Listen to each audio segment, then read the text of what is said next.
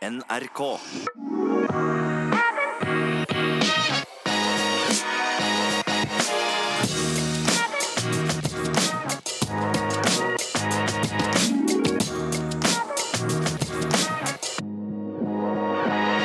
Hjertelig velkommen til en ny episode av I det lange løp. Jeg heter Jan Post. Til daglig kommenterer jeg langrenn og friidrett på NRK. Men jeg er jo såkalt supermosjonist, ekstremt eh, opptatt av eh, løping, og driver denne podkasten sammen med Christian Ulriksen, denne tidligere pokerspilleren som blir bare galere og galere. Og på slutten av forrige episode, Christian, så vurderte du å dra sju uker til Kenya skulle levere inn uh, stempla søknader i sju eksemplarer til samboeren din. Har du bestilt billetter nå?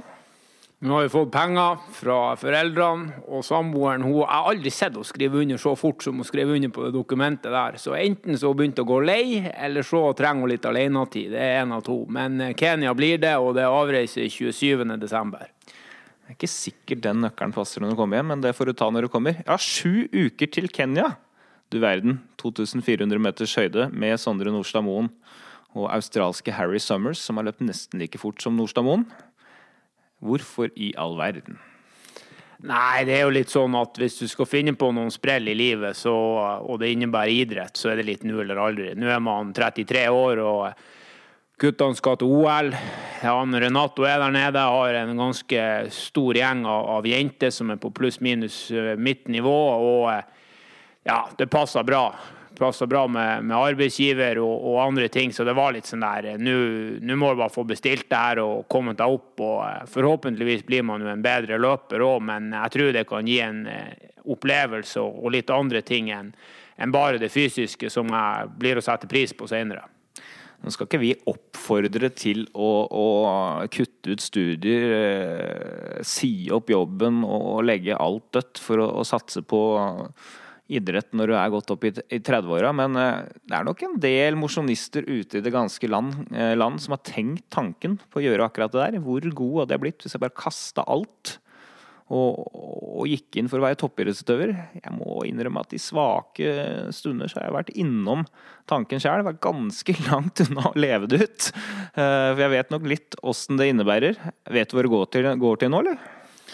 Nja, vi får se. Jeg vet jo svært lite om hvordan kroppen blir å reagere på syv uker på såpass høyde og såpass kupert trening. Men vi må jo eh, prøve å, å hente litt råd hos folk som, som, har råd, og så må vi jo først og fremst bruke hodet. Så håper jeg jo å ja, planen er jo Eller jeg kommer til Barcelona på fredag, og på søndag er det Barcelona halvmaraton. Så forhåpentligvis kommer man ned i, i, februar i god form og kan få løpt et bra løp, og så får vi ta det litt derifra. Jeg kan ikke slippe deg til Kenya uten at du får noe råd med på veien. For det her kan gå ordentlig åt skogen hvis ikke du holder tunga rett i munnen. Jeg vet om én fyr, jeg av alle som har vært litt sånn eh, ja, i nærheten av 30-årene, tenkt at eh, det har vært gøy å satse absolutt alt på idrett, selv om han ikke holder skyhøyt nivå. Han kalte det Prosjekt toppidrett. Han har til og med skrevet bok om det. Velkommen, Nils Ingar Rodne. Tusen hjertelig takk. Hva all verden var det som fikk deg på tanken den gangen? Nei, altså, hva var det som fikk meg på tanken den gangen? Det, det er jo en uh, drøm, da som uh, man setter ut i livet. Det er akkurat det du, det du beskriver som, som, skjedde. Ikke sant? Man blir ivrig, akkurat det Christian uh, kjenner på nå. Du blir kjempeivrig, og, bare, og, så får du den tanken Hva hadde skjedd hvis jeg legger alt annet til side og bare går all in på dette her? Uh, og så tenkte jeg bare Jeg gjør det. For nå kan jeg gjøre det. og du gjorde det, og ja. det ble foredrag, og det ble bok, og det ble mange, mange skirenn. For det var jo langrenn som var eh, din greie. Eh, folk kjenner deg som langrennsløper nå. Eh, mm. Og komiker, selvfølgelig, som du egentlig er. Som jeg egentlig er, og nå jobber jeg jo som komiker. Og så er jeg like ivrig ved siden av på langrenn. Uh, og ligger, uh, siden dette er en podkast hvor man snakker om uh, konkrete ting, omtrent på nivå med det året, kanskje litt over, i timer. Vi snakker sånn 700-800 timer i året? Ja, vi, vi gjør det. Ja. ja. Det er ikke så mange komikere i dette landet som trener 700-800 timer i året. Skjønner de noe av det du driver med? De skjønner ingenting av det jeg driver med. Jeg har akkurat vært på turné nå og merker at de bare De skjønner ingenting av, av, det, av greia. De skjønner ikke det Uh, jeg, jeg, tror ikke de liksom har evnen til å ta inn uh, når jeg, vi er på vei til flyet, og jeg sier at jeg var på mølla før frokost, liksom. Så er ikke det noe de Du bare merker det på det at det er vanskelig for de å fordøye det. For det er, det er, det er for fjernt, liksom. Det er som å snakke til veggen. Det er ja. null reaksjon. Null reaksjon.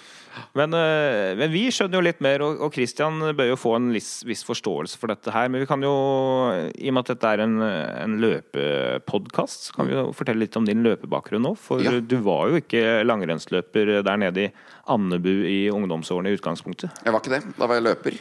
Så jeg kjenner jo godt til, uh, til løping. Det var jo liksom det jeg drev med da jeg var ung. da Og satsa, jeg satsa jo hardt på det. Har et par eh, junior-NM eh, på, på CV-en. Eh, og gikk idrettslinja og var, var ivrig, ivrig løpere. Mm. Eh, og så ble du kanskje en ikke så ivrig løper en periode? Ja, så var det en ganske lang periode hvor jeg var eh, ikke ivrig på noe som helst. Jeg fikk jo kyssesyke. Det var det som liksom satte en stopper for det der. Eh, kropp som ikke responderte på trening i det hele tatt. Og så kom livet inn på et litt annet spor. Jeg begynte med, med humor og jeg begynte å jobbe som komiker og holdt på med det noen år. Og så begynte jeg sakte, men sikkert å ta det opp igjen. Og tenkte at fader, nå er jo dette her litt artig. Så meldte jeg meg på ti uh, km på Oslo Maraton. Og den gangen da var Oslo Maraton kjempelite. Uh, jeg, og jeg, jeg, løp på 36,30. Uh, eh, og tror, da tror jeg faktisk jeg ble topp 10 det året, for da var, det, da var ikke løpebølgen i gang. Uh, og da tenkte jeg Da hadde jeg ikke, liksom, da hadde jeg ikke hatt noe system eller noen ting. Tenkte jeg, Fader, dette er, nå, det, jo, det, er jo dette jeg kommer fra. Det er denne jeg er. Uh, så derfra så var det liksom Så satte jeg i gang igjen. Men hvordan ble det langrenn? Uh, nei, da Jeg fikk meg litt sånn uh, noen venner som begynte å gå Eller som var ivrige langrennsløpere, egentlig. Så begynte jeg å trene del med dem, og så meldte jeg meg på Holmenkollmarsjen. Uh, hadde aldri gått et skirenn omtrent. Gikk det og bare Fader, dette her var jo kjempegøy. Uh, og så ble jeg mer og mer ivrig på langrenn. Så ble liksom det uh, det store målet, da. Uh, satt meg et hårete mål om å gå Birken under tre timer på første forsøk. Det klarte jeg akkurat ikke. Uh, men jeg var i nærheten. Uh, og så har det balla på seg derfra. Kjenner du deg litt igjen her, Kristian? Ja, Moa Birken på under tre timer. Det har jeg faktisk fått til sjøl òg, etter ganske mange timer med god trening med de her Nygård-guttene. Så jeg har jo holdt på litt med langrenn sjøl, og spesielt langløp jo, er jo en fascinerende greie. Og det er liksom Du kan berge deg på litt manglende både skiteknikk og litt andre sånne naturlige forutsetninger som du må ha i, i, moderne langrenn. Men det er klart at eh, når denne idrettsballen først begynner å rulle, og du kjenner at kroppen blir bedre, og at du ja, responderer på trening, så er det egentlig utrolig hva, hva sånn endorfiner og hva hjernen har lyst til. Så da er det Ja, du må helst ha noen unger og ei kjerring som skal stoppe deg, eller så kan du fort finne på sånne ting som jeg er i ferd med å gjøre nå. Men det er det som driver oss, ikke sant. Den der, den der følelsen av uh, Jeg skal ikke drive med reklame for det, men det er det jeg snakker om i foredraget. Gleden av å prestere, og som er grunnen til at jeg holder på. Det å få ut det jeg er god for, ikke sant. Kjenne den følelsen. Det er fantastisk uansett nivå, som sikkert mange av de som hører på, kjenner seg igjen i. da Du må ikke løpe under 2,30 på maraton for å få den følelsen. Uh, og det er, jo, det er, jo, det som, det er det som driver oss. Ja, for det er ingen av dere som tror at dere skal bli verdensmestere. Det er jo ikke der det ligger. Nei. Uh, men det er jo noen likheter her. da Dere dyrker jo en karriere der uh, tidlig i 20-åra som er litt uortodoks. Du, du, blir komiker. Det er jo ikke så mange av dem i det ganske land som tjener penger på å være komiker. Du ble pokerproff. Og så skulle Christian plutselig løpe maraton under tre timer. Du skulle gå Birken under tre timer. Eh, så langt så er det jo ganske likt. Eh, en likhet til er at dere begynner å henge med idrettsfolk som er veldig mye bedre enn dere selv. Ja. Og det er jo et faremoment når vi skal inn på det Christian skal drive med nå. Han skal ja. altså, ikke til Kenya og rote rundt sjæl, han skal være der sammen. Sondre Nordstad Moen, som er av de som trener mest ekstremt på løping i hele verden. Um, og du uh, dro jo inn på lag der med Øystein Pettersen, Simen Østensen, Morten Eide Pedersen. Mm. Det er folk som trener rimelig ekstremt. Og da blir på en måte det den nye standarden. Det er, det er de folka man snakker med, det er det som er normalen. Ja. Her vil jeg tro at det ligger noen faremomenter. Ja, det ligger ganske mange faremomenter der, altså. Uh, nå, nå, skal det jo sies at de gutta uh, tok meg veldig godt imot.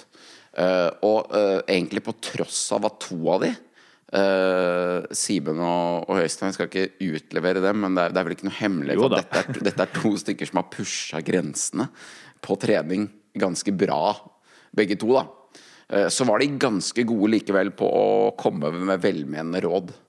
Uh, jeg husker helt konkret f.eks. at Simen sendte meg hjem fra en langtur, rolig langturløp, hvor han bare så at liksom du nå, nå er du bare sliten, liksom. det er derfor du er bak i bakken, og nå, nå er det lurt at du er med. Og jeg sa liksom jo, jeg kan være med en time til. Eh, Er det lurt? Det, det går an å løpe ned der. Da kommer du hjem før oss. Han bare ha deg hjem, ja. Ja, ha deg hjem. Eh, Så det var jo bra at de, de kom med sånne det skal, det skal man absolutt lytte til, da.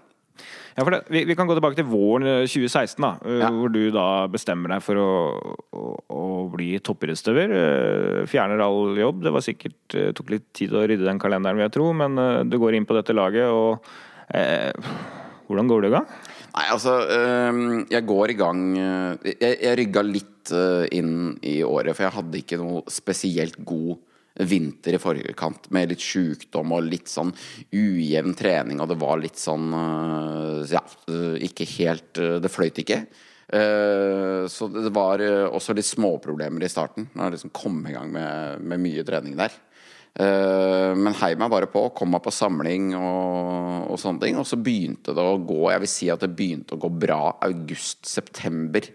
Da kom jeg liksom i ja, Særlig september. Veldig bra, gode samlinger. Begynte å flyte. liksom Det var tydelig at kroppen hadde kommet litt inn i det.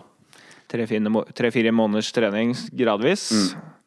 Eh, og så skulle du prøve å gjøre det samme som de andre, da? Ja, det så skulle, på? ja, så skulle jeg gjøre det samme som de andre, og nå kommer vi jo på en måte til kjernen i det Christian skal gjøre her. Uh, Nå er det bare å ta fram penn og papir. Ja, nå, nå er det bare å ta fram penn og papir. For uh, det som da skjer, er jo da at litt godt uti oktober så drar vi til Valsenales.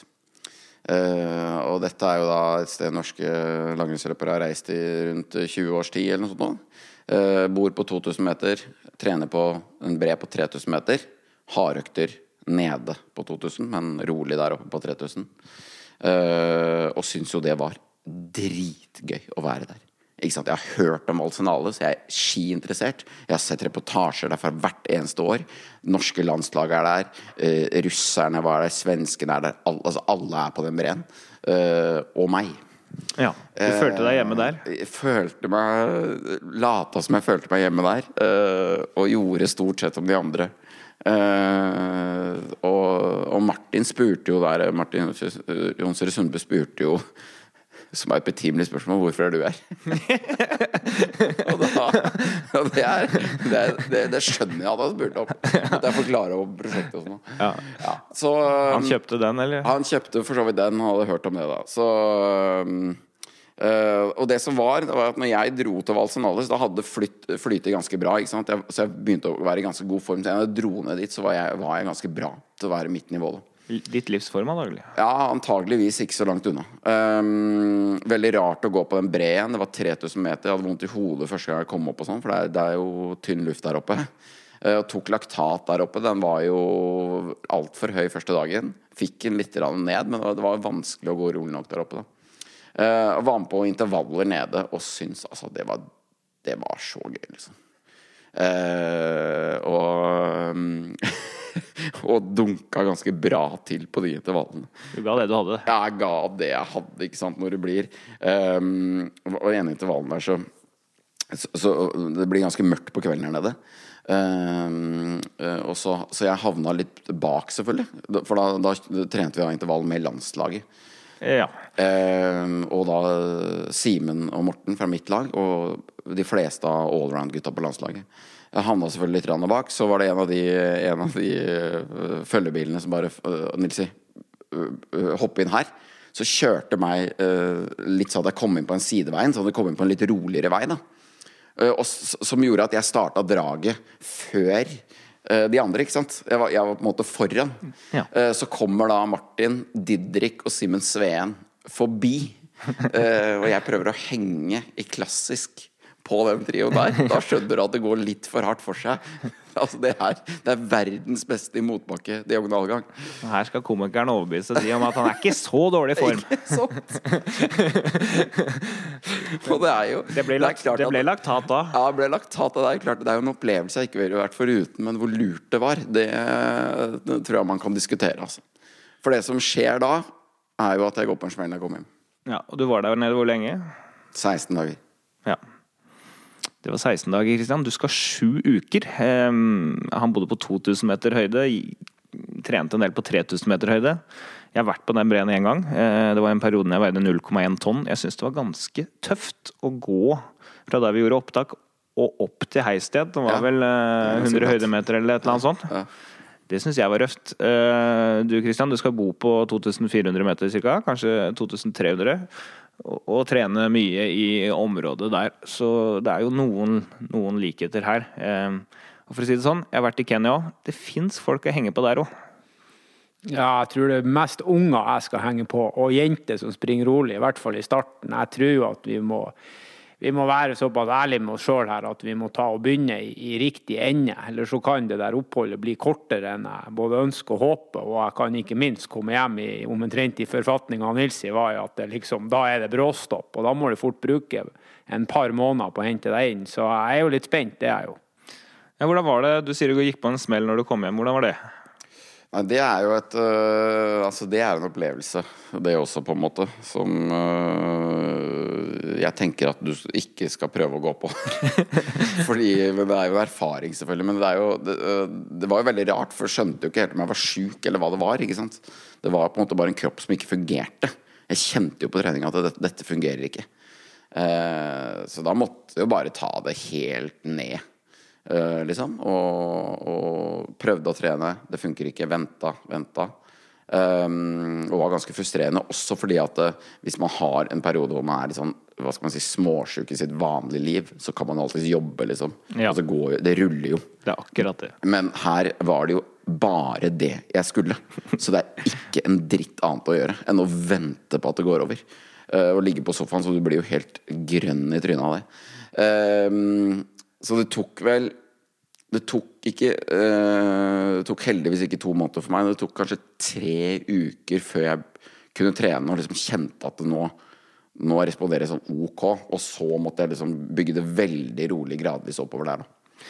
Ja, for her slår du et problem inn som man kanskje ikke er vant til som uh, supermosjonist og overivrig supermosjonist sådan. Eh, man har jo kringkastet dette til hele verden. Yes. Uh, og man har for så vidt vært ærlig på at man ikke skal bli verdensmester, men man forventer jo litt framgang når man kaster all jobb til side, ofrer en del økonomisk uh, osv. for å gjøre dette på heltid.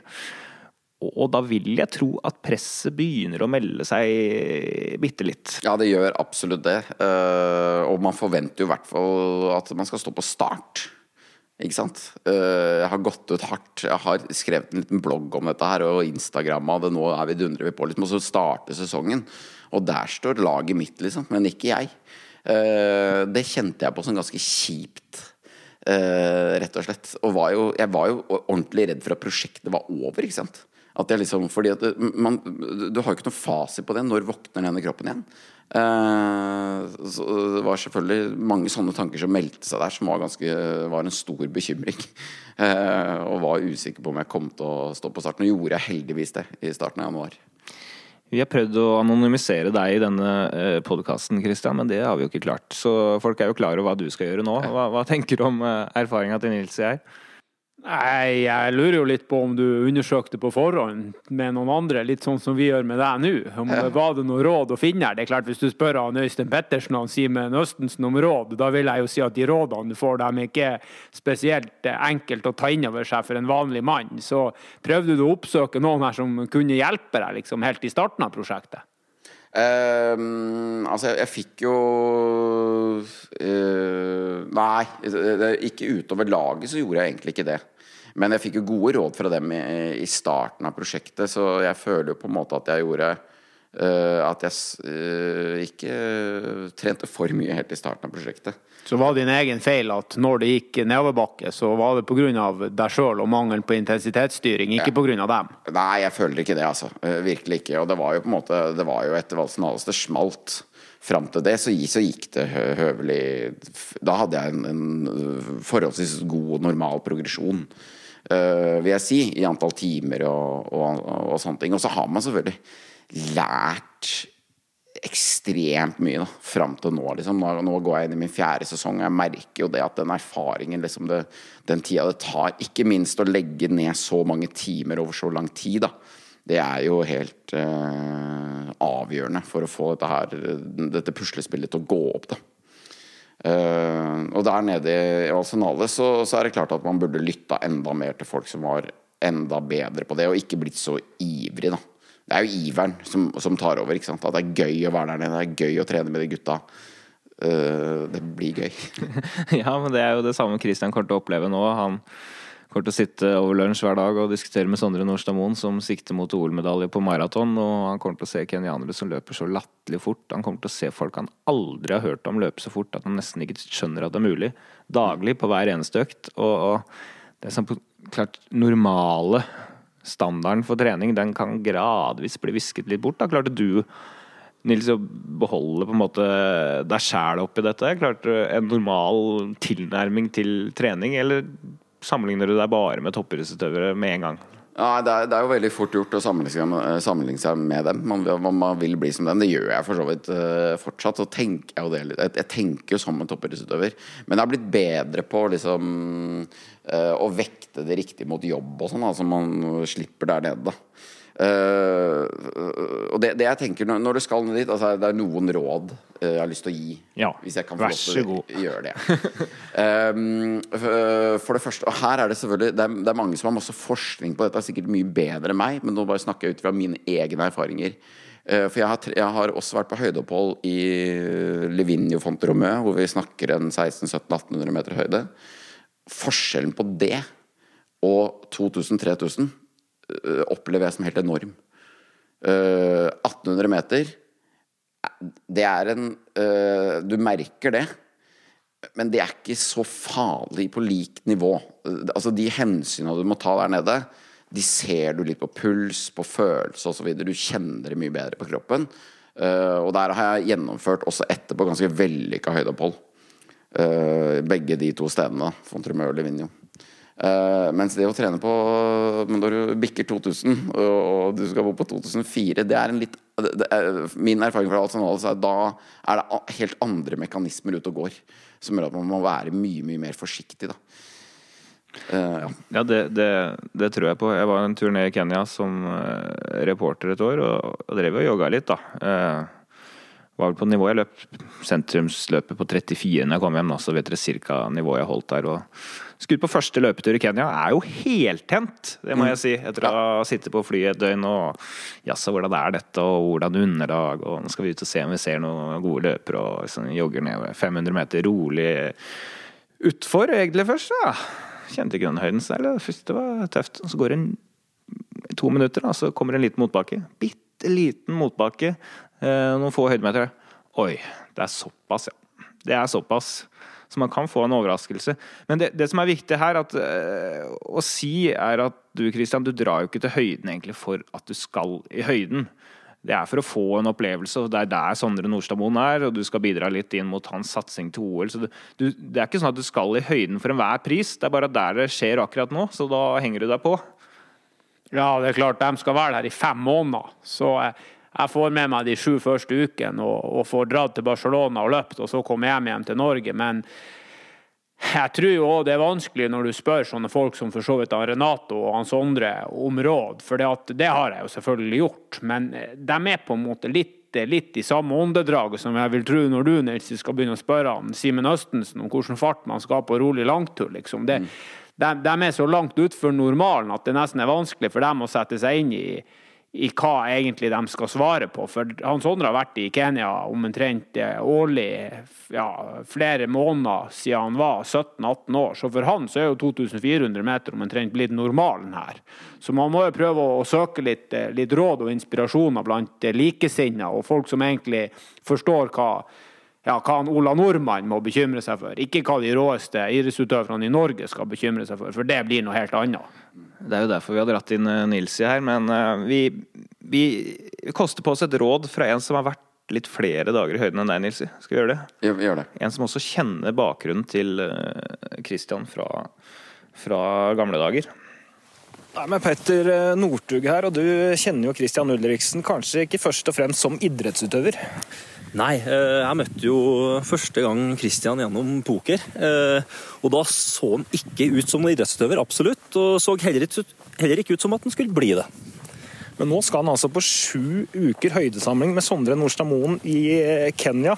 Har du noen tips på veien? Du har jo vært et par uker i høyden sjæl opp igjennom. Ja, eh, jeg har jo prata litt med Christian om det, og jeg har jo fulgt nå da, de siste årene etter han la kortene på hylla, for å si det sånn. Og han har jo imponert meg med det han har fått til, og det tidene han har eh, hatt på både ti og halvmaraton. Så eh, høydesamling det kan gjøre godt, det, men han må være forsiktig. Og etter fire uker så har du egentlig pika på blod. Da er det, da er det ikke så mye mer vits å være der. Så da vil jeg komme meg ned, men han skal gå for sju uker, så der kan det ligge en smell de siste tre ukene der. Da har han en liten advarsel fra, fra Northug til Kristian. Men har han imponert deg mest med løpesko eller eh, rundt pokerbordet, egentlig? Mest med løpesko. Rundt pokerbordet så følte jeg at han var en litt sånn jojo. Du visste ikke hvor du hadde den. og Han hadde et dårlig kosthold og så litt sånn slesk ut. Nå så er det jo en helt annen holdning.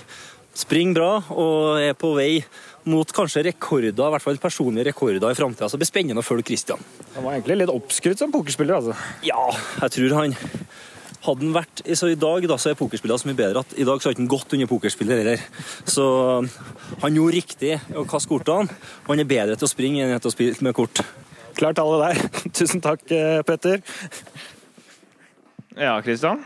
Ja, vi får ta med oss det vi får av folk som har vunnet VM-gull og OL-gull og mye annet. Men det er klart han har et poeng der. Når det kommer til antall uker, så er det klart at syv uker i Kenya er lenge. Men det er liksom der, skal du på, etter fjerde uka skal du dra ned til Nairobi og ta deg fem dager liksom på sightseeing og så dra opp igjen? Eller skal du liksom bare tenke at uh, sju uker ja, du får bruke de tre siste ukene på en måte med å holde ved like, og så forhåpentligvis kanskje ha litt overskudd der når vi kommer til Barcelona. Det er jeg litt usikker på, og jeg skal prøve å prate ganske ordentlig med Renato òg når vi kommer ned, for han dro ned nå nylig, så han er jo der nede òg.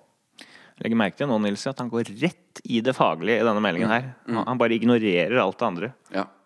Men det er jo øh, altså, øh, det, er viktig å, å, få med her noen aspekter ved dette som er helt fantastiske. For det første så unner jeg det å ha tatt det valget du har tatt. Uh, det er helt fantastisk at du har gjort det. Altså Jeg er så glad for at jeg tok det året. Det er en opplevelse av en annen verden, liksom. Og sju uker der nede er jo det er jo et høydeopphold, men det er jo også en helt utrolig opplevelse. Ikke sant? Å få med seg det med de som er der og alt mulig. Det kommer til å bli kjempebra. Og så er det viktig å huske én ting, da, og det er at når man går inn og blir heltidsutøver, da, som, du gjør nå, så er jo ikke den største forskjellen treninga. Den største forskjellen er jo alt det, alt det andre. Eh, for trene får vi jo stort sett gjort, vi som er ivrige nok på dette. Vi klarer å stå opp om morgenen og, og, og, holde på, vi. Eh, men problemet er jo at vi gjør alt annet i tillegg. Ja. Eh, og det er det som er så utrolig deilig med å være langrenns... Eller å være toppidrettsutøver. De har jo verdens deiligste liv. Det innrømmer de ikke selv, fordi at de tenker at nei, det er liksom Det er jo beinhardt og sånne ting. Og det er bare Altså, få deg en ordentlig jobb, og så Da skjønner du hva en hverdag er, liksom. Det er jo, det er jo en det er, det er helt fantastisk. De bare trener, og så slapper de av etterpå. De skal ingenting. De skal ikke rekke noe som helst. Vi uh, supermorsomt må jo trene, og så er det liksom et møte, og så må vi være der og der. Så jeg må trene da og da og da. Mens her er det bare inn, spise og slappe av. Ja, Det er jo den positive delen av det her, og, og det må jo Det blir fint. For jeg skal love deg én ting i Kenya, der er ikke så mye å finne på. Det kan til og med være litt dårlig internett, Kristian, Så er du klar for det livet? Ja, Det er vel bare å skru av telefonen. Gjør sånn som han Sondre gjør når det går tungt i Kenya. Da skrur han av telefonen fire-fem uker, og så skrur han på igjen når formen er blitt bedre. Så kan han svare folk. Nei, vi, vi får se. Men det er OL-sesong. Det blir sikkert å være sinnssykt mye fine folk der nede. Kanskje man få gjort og prata med litt andre folk, henta litt inspirasjoner, sett litt på hva som faktisk finnes. Og, og, har man det tungt noen dager, så er det bestandig artig og interessant å hive seg i bilen med Renato og følge folk på trening. Og jeg, jeg tror jo at det kan bli en opplevelse som forhåpentligvis henger i i mange, mange år. Og så håper jeg jo selvfølgelig at fysisk man blir litt bedre òg. Det som er positivt oppi her, er at når du blir 60-70 år, og så tenker du tilbake på, på, livet, så er jeg helt sikker på at du kommer til å sette pris på den perioden der. Og kommer til å huske da du var nede i Kenya sammen med Sondre Nordstadmoen som skulle satse mot OL. Du kommer aldri, aldri til å glemme det. Hver gang du ser en kenyaner løpe, så føler du at du, ja, du kjenner han ikke, men du vet hvor han kommer fra. Du vet hva han har vært, eh, vært igjennom. Det gir jo litt verdi, vil jeg tro. For det er sånn du har med skiløpere nå. Ja, ja det, er en, det er jo en kjempeverdi, og det er jo en uh, som sagt en erfaring og en opplevelse jeg aldri ville vært foruten. Uh, og det er jo for meg så er det jo en ny livsstil. Jeg henger jo igjen i miljøet, og etter jul så er det å reise på tur med, med nytt team uh, ned i Europa og gå skirenn. Og gleder meg jo stort til det, selvfølgelig. Jeg traff jo Mari Eide her eh, på et fly hjem ja. fra Finland, tror jeg det var. Um, og hun kjenner jo du godt. Uh, og når jeg snakka om deg, så sa hun at ja, komiker, ja, han, han, er jo komiker, liksom, men jeg følte egentlig at du hadde mer lyst til å være toppidrettsutøver. Det var det livet du likte. Trene og slappe og sove. Hun mente at du var den fødte til å leve det livet der, da. Komiker, ja, det, er... det, var bare noe du dreiv med, liksom. Ja, dette er konfidensiell informasjon, egentlig. Men det er Hun har jo rett Jeg har tenkt det i det siste, eh, at uh, egentlig liksom så, så passer jeg jo bedre inn i skimiljø og idrettsmiljø. For der er jo mine likesinna, liksom. Det er jo en sånn en jeg er. Så jeg merker jo det. Jeg passer nok Jeg har tenkt det på et par, par turer med, med, komikere i høst at uh, disse lever på en annen måte enn meg. det, tror, det, tror, jeg på. Men du kan jo kanskje lage litt uh, komedie av toppidrettslivet? Ja, absolutt. Det må være kilde til inspirasjon? Ja, det er en kilde til inspirasjon, og det er mye å hente der. Og nå skal det sies at jeg har akkurat vært på turné og har storkosa meg med det. Så jeg er jeg er veldig, mm, veldig, veldig, glad i det også. Men, eh, men jeg, liker å, jeg, liker å, trene, ja. det er bra. Det er et godt utgangspunkt. Eh, men du, vi, vi var jo litt uh, slemme da, egentlig. Vi starta med alle problemene. Ja. Denne toppidrettssatsingen den gikk jo videre, og det fikk jo godt skirenn. Det store målet var å, å ta poeng i denne langløpscupen. Mm. Uh, Ski Classics. hvordan gikk det der utover vinteren? Du, det gikk jo Jeg kom meg på start og, og, og begynte å gå skirenn. Målet var å bli topp 50, og i Toblach Cortina så ble jeg 51. Da skjønte jeg at oi, det her er jo ikke helt svart. Her er det muligheter. Tapte spurten der, det visste jeg jo ikke da at det var den 50.-plassen, men uh, jeg hadde ikke vunnet uansett, så er det greit nok. så, ble jeg, så ble jeg 54 uh, uka etter i Serska nede i Tsjekkia så var det et par av de større renna og sånn. Men så i Reistadløpet, som er knallhardt uh, Og det oppe i Nord-Norge der, det er jo et uh, OT-opptaket er jo på en måte min styrke, da. Jeg er jo bak, langt bak de beste der, men jeg er nok liksom nærmere enn jeg er på når det blir skiteknikk og hard staking og sånn, som krever spesifikk trening over mange år. da. Du sto jo over noen tekniske år der. Ja, jeg sto over ganske mange tekniske år. Eh, jeg pleier å si det at det er noe som heter eh, den motoriske gullalder. Som man lærer om i treningslæra, og den er ikke etter 30. Nei. du skal være glad det er verdens enkleste idrett vi holder på med, Jan. For det er ikke så mye teknikk å hente opp i Kenya. Der gjelder det bare å få flytta beina. Ja, løpt har du gjort siden du var ett år, så var det nå så. Men øh, Reistadløpet, øh, det løpet hvor folk faktisk øh, går med festesmøring, og det er stupbratte bakker og ja. øh, mange høydemeter. Mange høydemeter. Eh, Jobba meg over de fjella og kom inn og ble 50, nei, 46. Nummer 46 der. Og fikk fem sånne offisielle Ski Classic-poeng. Rett inn på rankinga der? Rett inn på rankinga. Eh, så jeg klarte jo målet det året. Det må jo ha vært litt deilig oppi det hele? Ja, det var godt, altså. Fordi det var liksom eh, Da følte jeg jo at verken det målet eller det året eller prosjektet var en vits, men at det var faktisk noe som jeg hadde jobba ganske hardt for. da At det ikke var eh, helt sånn eh, i løse lufta tatt det målet og sånn. Men si at du hadde blitt nummer 51, da. Ja. Det har ikke vært så stor forskjell, egentlig. Men, men for deg så utgjorde det deg litt? Ja, det utgjorde stor forskjell, for du kan liksom si at du nådde det målet, da. Um, så det, det, var veldig deilig, det. Altså. Og så var det jo bare å sette seg nye mål og, og fortsette. Da. Mange rundt trodde jeg at jeg skulle bare ha det ene året og så gi meg, men det, det klarte jeg jo ikke. Nei, det er jo faren her når det gjelder han der òg, tror jeg. Ja, det er jo det. Man setter seg jo nye mål, ikke sant. Som man, som man har lyst til å nå. Men Christian, ditt mål er jo å løpe under 2,20 på maraton. Blir du irritert etter den satsingen du nå kommer til å legge ned, om du ikke klarer det? Ja, det vil jeg jo definitivt si. Én ting er jo satsinga, det andre er jo antall timer med, med det jeg vil prøve å, å, si er det beste jeg kan gjøre med mine forutsetninger. Og nå har jeg jo altså trent rimelig seriøst i, i hvert fall i to år, og klart å bli 59 sekunder bedre på maraton. Liksom, fra 2.22,30 til 2.21,31.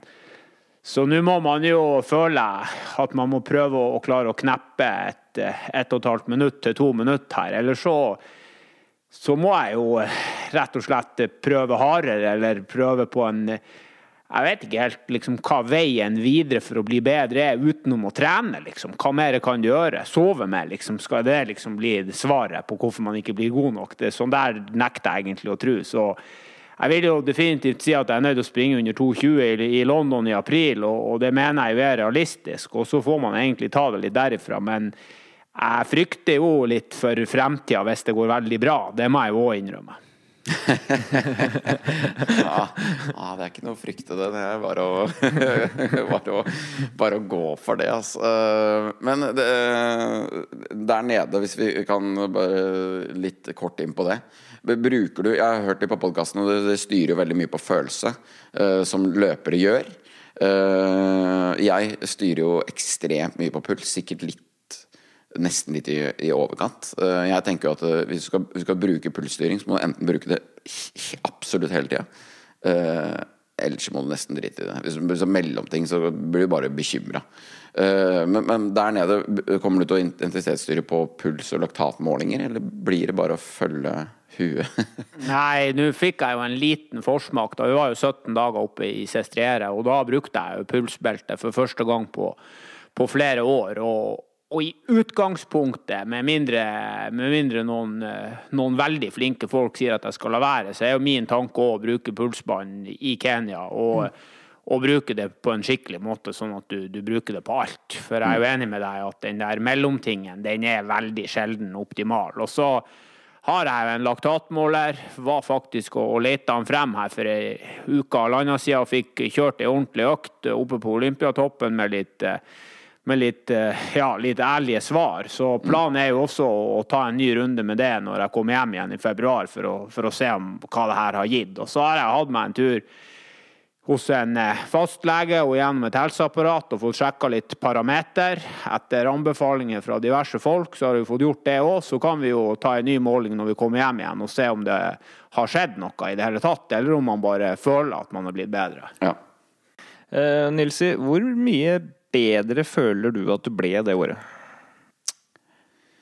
Uh, nei, jeg føler jo at jeg ble uh, ganske mye bedre. Uh, men det er, no, det, er jo noen menn her. Det jeg føler på en måte at jeg ble mest bedre på, var jo at jeg ble bedre grunntrent. Så altså at jeg ble bedre til å tåle trening, da. Jeg trente 700 timer det første året, og har faktisk gradvis økt etter det. Uh, med litt og litt, da. Uh, og merker nå at jeg har en helt annen evne til å ta imot den treninga. Etter, etter, å ha lagt ned så mye trening år på år, da. og det første året der, så er det et, Jeg følte nok ikke det så mye der og da, men i ettertid så føler jeg jo litt at jeg hang i stroppen, liksom.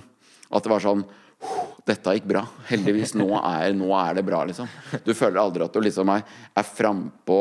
Og de, de 700 timene, det er, liksom, det er et prosjekt stort nok å få gjennomført dem. Mens nå kan jeg i mye større grad styre innholdet i all den treninga. For du har den, der, den grunnformen inne. Da. Så jeg kan liksom prøve å vekte med mye på sommeren, mindre på vinteren. Altså, i, i, større grad. Mens da handler det bare om å liksom prøve å få gjennomført dette her. Da. Men nå har jo du eh, to gode år i, i sekken her, da, så det er viktig. Han har tjuvstarta litt, ja. Eh, men han har litt erfaring med å trene på den høyden. da. Eh, ja. Men han er god til å sove, og det er mye ting som taler for han òg. Ja. Men for å spørre et spørsmål til, Nils. Dette med å ta seg en hviledag. Når du driver som toppidrettsutøver, er det nesten at du føler deg dårlig samvittighet? da? Føler du noe press rundt det? For nå har jeg jo kasta alt, nå må jeg trene, liksom. Ja, jeg ikke så god på det.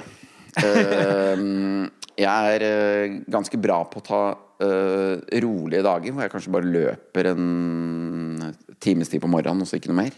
Eh, men jeg er ikke så god på å ta hviledag nå. Er, målet er i desember i år eh, og i sesongen å være litt flinkere på jevnlige hviledager. da. Eh, som jeg jo tror er veldig lurt, når man hører erfaringene til de som virkelig kan det. Det var ikke Emil Iversen som sa det. Det første året han liksom virkelig tok et steg, det var jo fordi han hadde tatt flere hviledager, mente han. Eh, så det er klart at eh, der har vi, eh, også vi superpensjonister, og i hvert fall jeg, en tendens til å bli veldig ivrig. Og man skal liksom ha trent, da. Som jo er en bra egenskap å ha den iveren. For de som ikke har den iveren, de evner jo ikke til å ta de stega. De evner ikke til å legge ned jobben. Men man må bare huske på å temme det innimellom. Og i hvert fall i et sju ukers opphold på 2400 meter, så det tror jeg er helt avgjørende å tørre å ta de hviledagene. Hva tror du, Kristian? Ja, vi må ha noen grønne dager her. Det er definitivt helt sikkert. Så må vi finne en god balanse. Og så tror jeg jo at vi ikke skal åpne oppholdet for hardt, for da tror jeg det er stor sjanse for følgefeil. Og da kan det bli, kan det bli både tungt og, og, brutalt der oppe. Det er jo å ta der, i, I starten av desember nå så hadde jeg en, så hadde jeg en hviledag hvor jeg egentlig følte meg ganske bra. Uh, så jeg tenkte liksom at, Men jeg hadde liksom sett meg ut den dagen lenge. At det liksom der ligger det til rette for at jeg hadde fri, og det der kan faktisk bli en hviledag. Så den skal jeg ha som hviledag. Kom jeg dit, så følte jeg meg bra. Liksom. Da kunne jeg jo trent. Men klarte da å ta hviledag. Da føler jeg man er inne på noe. Man står på den planen. Og ikke er sånn at du, du må ikke ha hviledag, men du tar det likevel. Uh, det tenker jeg at det er, er, smart. Det tok fire år, men nå er du der. Nå er jeg der. ja, det er godt. Det er godt. La oss gå til lytterne spør. Nå har du endelig muligheten. Det er ikke vits å brenne inne med noen spørsmål. Hva i Guds navn er det du lurer på? Jonas By han spør på Instagram NRK i det lange loop, hvor vi innimellom legger ut poster og ber om spørsmål. Han spør blir det langturer i slitne adios for å herde beina. Ja, det blir eh, variert skotøy, og det blir eh, det er jo mye grus der oppe, men han, eh, Sondre fikk vist meg noen filmer nå. De har jo fått asfaltert en god del opp i Kenya, så teknologien har jo til og med kommet opp der på 2400 høydemeter. Så vi må ha med oss mye sko, og så er planen å legge igjen det meste av sko når vi drar derifra, så de forhåpentligvis får seg noen nye eiere. Men eh, adios, det blir det. Kenneth han lurer på her, når var du nettopp på et høydeopphold? Det varte jo ca. I, i tre uker. Hva tenker du om å dra på et syv uker langt høydesamling så kort på det forrige oppholdet? Jeg er litt usikker på hva det egentlig var som skjedde oppe i Sestriere, for å være helt ærlig. For jeg må innrømme at en kombinasjon med høyde og kupert terreng i lag, den var nok, eh, den var nok mer utfordrende enn jeg hadde trodd. Og de, de ukene oppe i Sestriere var ganske tung. Jeg trente for så vidt ganske fornuftig, men jeg var heller ikke i all verden til form når jeg kom opp. Så det som har skjedd i fire-fem uker etter Sestriere, har jo vært oppløftende. Nå er jeg jo, vil jeg jo sjøl si at jeg er tilbake på, på, det nivået jeg var på når jeg løp 2,21 i Berlin. Så, så kanskje det oppholdet har gitt noe, men det er klart, det å være i St. Moritz eller oppe i Sestriere på, på 1600-1700-1800 eller 2000 i Europa, det er liksom noe helt annet. Kenya oppe der i ja, der er det høyere. Der er det nesten ingen normale folk. Og jeg tror jo det blir, det blir annerledes. Og syv uker er noe annet enn 17 dager. Mathias Breivik han lurer på um, hva du tenker om Eller hva din samboer tenker om at du igjen reiser bort. Nei, jeg må jo nesten si det hun sier til meg, og hun sa egentlig at det er ingen problem, det er bare å komme deg av gårde. Det her får du ikke gjort flere ganger i livet. og spurte jeg om hun var interessert i å være med, og da så hun bare på meg ganske dumt og sa at det var helt uaktuelt. Skulle hun sju uker på ferie, så skulle hun ikke til Kenya. Da skulle hun heller dra til Maldiven eller noe sånt med søstera. Så eh, det blir guttetur. Og så eh, tror jeg jo at vi får håpe at nøkkelen passer når vi kommer hjem, altså. Bare gamble på det. Jeg har jo kryssjekka dette litt. Jeg stoler ikke helt på de opplysningene jeg får fra deg, Kristian, så jeg har spurt av sjæl. Men akkurat det med Kenya, det var jeg veldig positiv til. Et par andre prioriteringer du gjør, ikke så positiv, men uh, her tror jeg du går fri. Skal huske på Hun har en far, hun der samboeren min, som omtrent er like steine gal som meg. Så uh, hun har mest sannsynlig noen sånne der uh, idrettsgener, hun òg, som gjør at det er litt lettere å få være med på ting som andre folk kanskje hadde syntes var helt hold i hodet. Øystein Wergeland han lurer på hva du tenker om å legge inn litt ekstra styrketrening i høyden, og hvor mye av dette som kan være lurt å prioritere med tanke på både prestasjonsforbedring og ikke minst skadeforebygging. Nei, Jeg har jo mange parametere som jeg definitivt kan bli bedre på, og styrketrening er nok en av dem. Jeg har trent en gang i uka styrke nå, og kjørte en del Rodalsstyrke i sommer, så det er liksom ikke, jeg er ikke helt på bar bakke. Men planen er én til to styrkeøkter i uka. og så må vi finne en, en, melodi på hvor mye løping skal vi ha inn her fra start, og, og hvor mye intensiv løping. Men, men, styrketrening for løpere tror jeg er givende. Så i hvert fall i en sånn der periode der du, du trener mye og, og, mye monotont, så tror jeg den styrketreninga kan gi et, et, litt ekstra stimuli. Vi runder av med et samlespørsmål, for dette er det mange som har eh, lurt på. Det går på økonomi. Hvordan i huleste klarer du å finansiere dette her?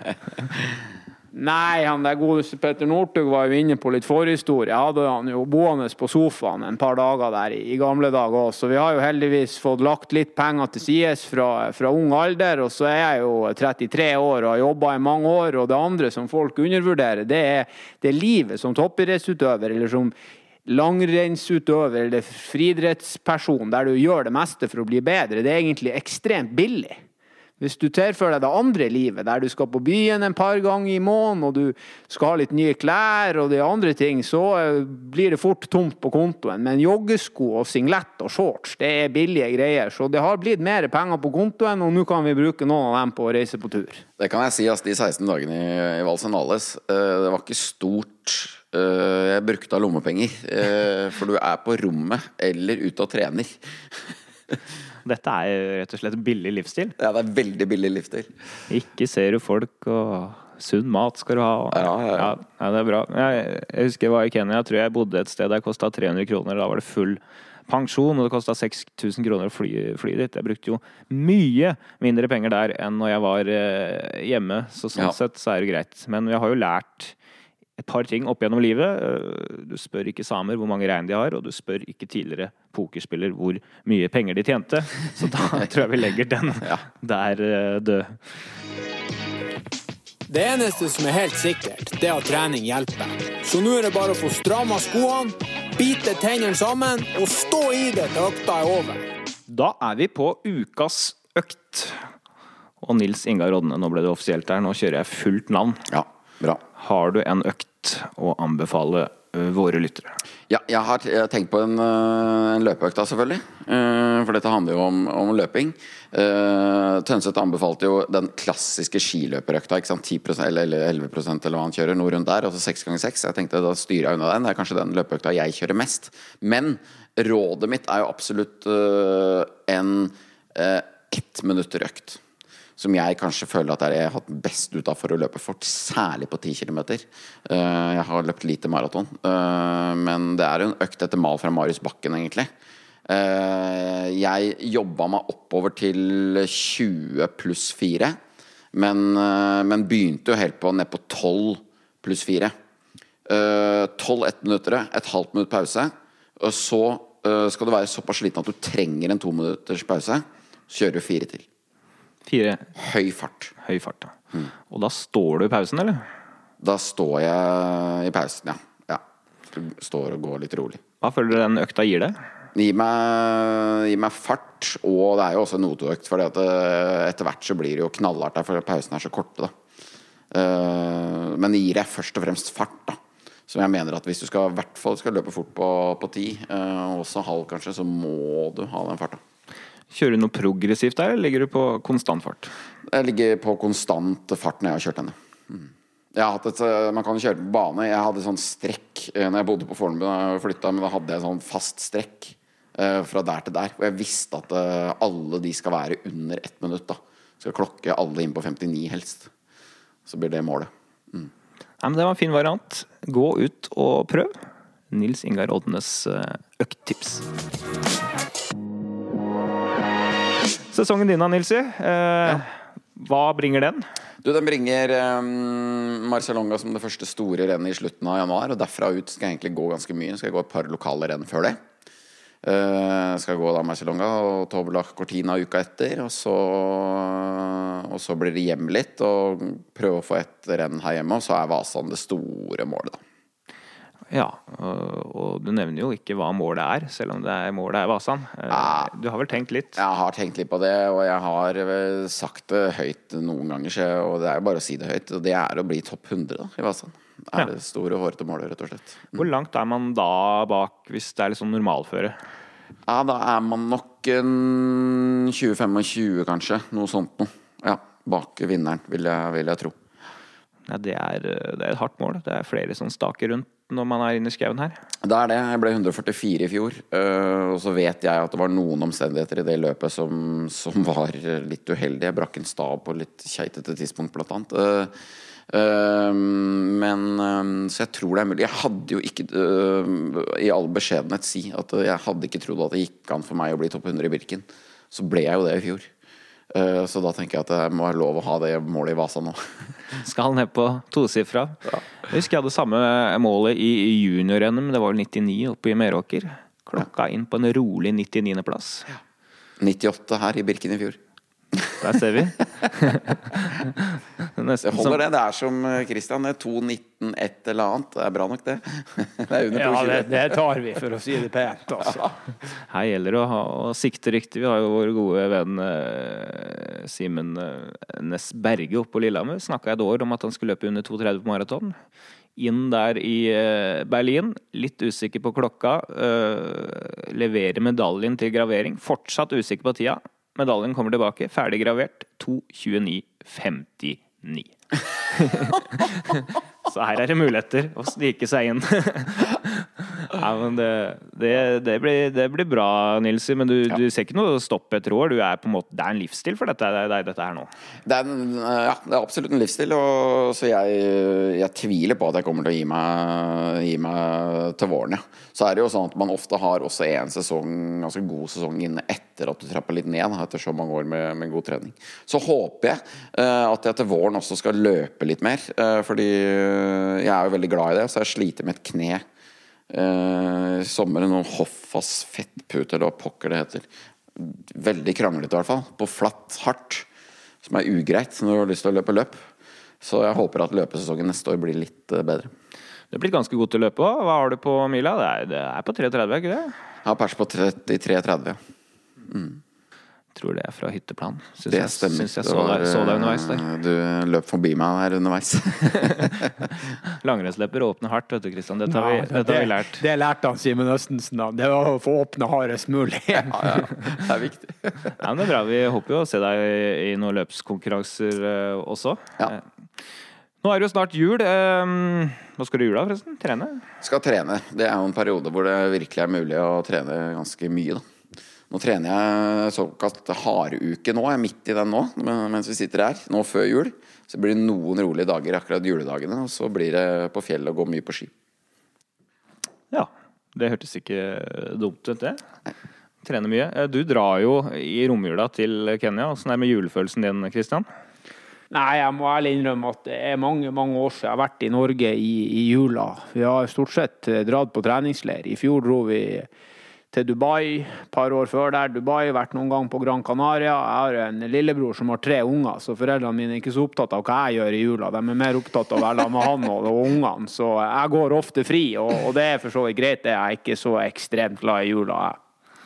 Nei, jeg er litt bekymra for for den eh, julefølelsen din, da.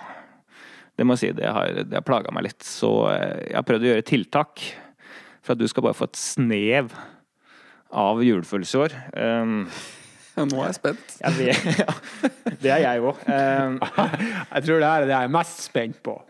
det, er jo, eh, det er jo sånn at eh, du er jo ikke så glad i julesanger, eh, så jeg tenkte jeg måtte gjøre om på en. Du kjenner sikkert Rønning, Jon Kles Rønning. Ja, ja, ja, hørte litt på en julesang han hadde laget her om dagen, så ble jeg noe inspirert. Ja. Ulempen er at jeg kan jo ikke synge, Nei.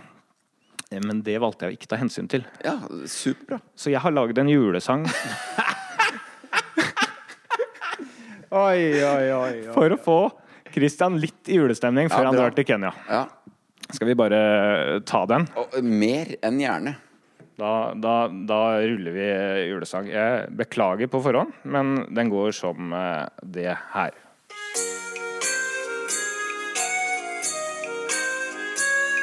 Jeg har ikke vaska gulvet og ikke bør i ved. Men vi har fått en terskelløkt midt i sone tre. Nå legger jeg den ut på strava før pulsen synker ned. Imens jeg tar av Vaporfly i størrelse 43.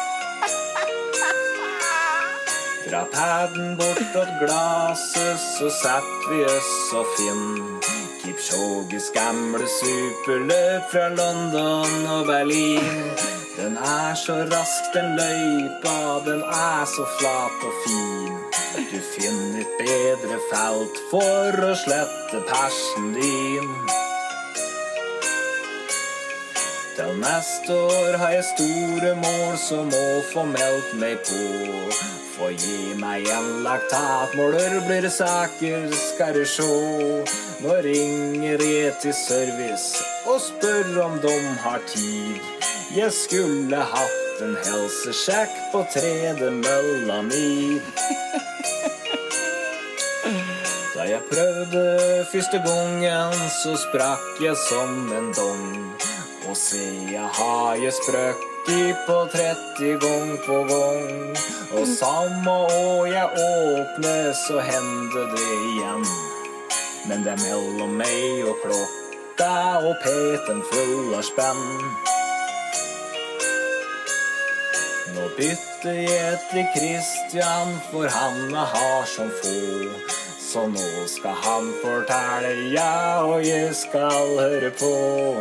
Nå må du stramme skoene. Stå i det dag for dag. Hvis ikke kan jeg bare glemme å komme meg i slag. Hvor, hvor flau er du på en skala fra 1 til 9, 10 nå, Christian? Nei, jeg er usikker. Det er mange flaue øyeblikk i denne podkasten, men eh, det her er nummer én til nå. Det var Jeg syns det var helt nydelig. Du, Oi, oi, du kjente på julestemninga nå? Ja, ja, virkelig. Ja.